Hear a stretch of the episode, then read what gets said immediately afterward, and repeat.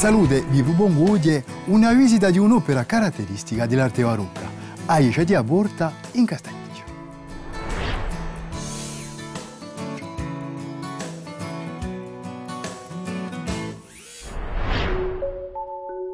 Aisha San Giambattista di Aborta d'Ampugnani compia il 1707 e usa magnifico campanile edificato il 1720 facendo parte di sei dette barocche edificate tra il XVII e XVIII secolo in Corsica. Ciò che dopo il Concilio di Trento, la Chiesa Cattolica vuole mettere in risalto il suo potere e il suo trionfo contro la riforma protestante. Lo scopo di barocco è di costruire monumenti magnifici da fare stravere ai videlli. L'aspetto teatrale si ritrova dunque in architettura. Lo scopo maggiore dell'architettura barocca è di commuovere i videlli. A seppica qui e iece devono essere viste da tutti e da lontano. Di un caso di quella di Aborta e in particolare di uso magnifico campanile in 5 piani, alto 45 metri. Si può parlare di una messa in scena di un bastimento a mese o paese. Di sicuro a facciata e di primura, posto che di ella che si vede subito. È fatta di maniera da l'impressione di un movimento che va crescendo dall'orli verso il centro. Figure muia e caratteristiche spudiche di a facciata di Aiecia di Aburta. A facciata è ornata da due culone. Ogni livello è composto da pilastri con urute. Se urute parano rigetti in forma di S e di C. Se linee curve danno su assimento maggiore l'idea di movimento.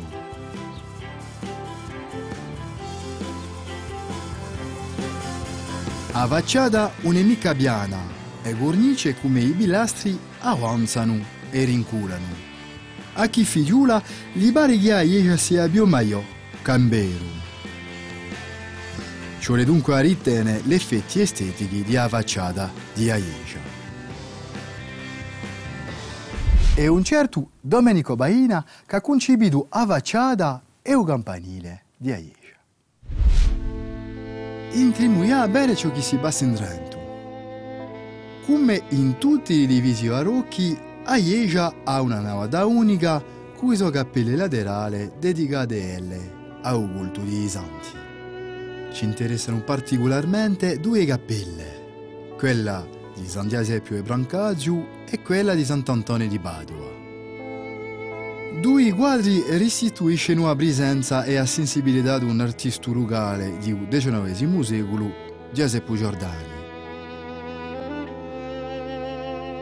Principiamo con San Giuseppe. Due colonne turcinate tengono un'intaulatura.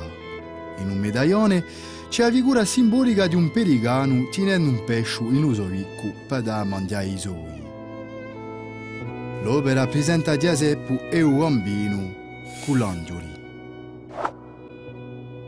A ritto sottoello un guerriero santo che pare d'essere Brancagio. Su quadro che data dal 1884 rimpiazza infatti un altro assai più anziano. In dell'altra cappella un quadro è dedicato a Sant'Antonio di Padova. L'opera rappresenta Sant'Antonio a Manca con fior di ciglio in mano, di fronte a San Michele che pesa l'anime che bruciano in purgatorio. L'opera di Giordani data dal 1880. Il barocco a teatralizzazione, i decori pomposi e le linee curve sono fatte per commuovere i videlli. E le linee di decori ci portano a figliolare in su.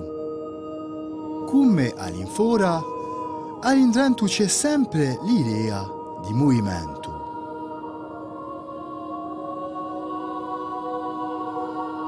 L'altare maggiore è stato rifatto dall'architetto Rimma per accogliere un quadro di decollazione di San Giambattista.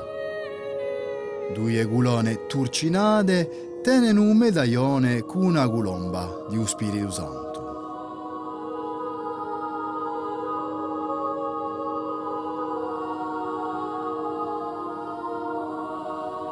Un altro quadro assegnalato è quello di San Francesco Saverio, nella seconda cappella di San Giambattista.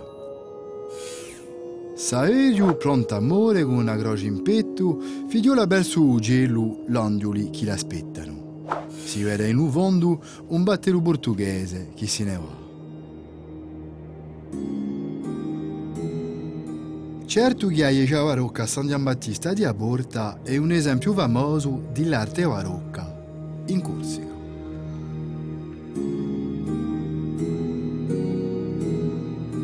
Ramintemoci. A Iescia di Aborta è un esempio assegnalato dell'arte barocca in Corsica. In barocco a teatralizzazione, i decori pomposi e linee curve sono fatte per far nascere emozione e far crescere la fede. A presto.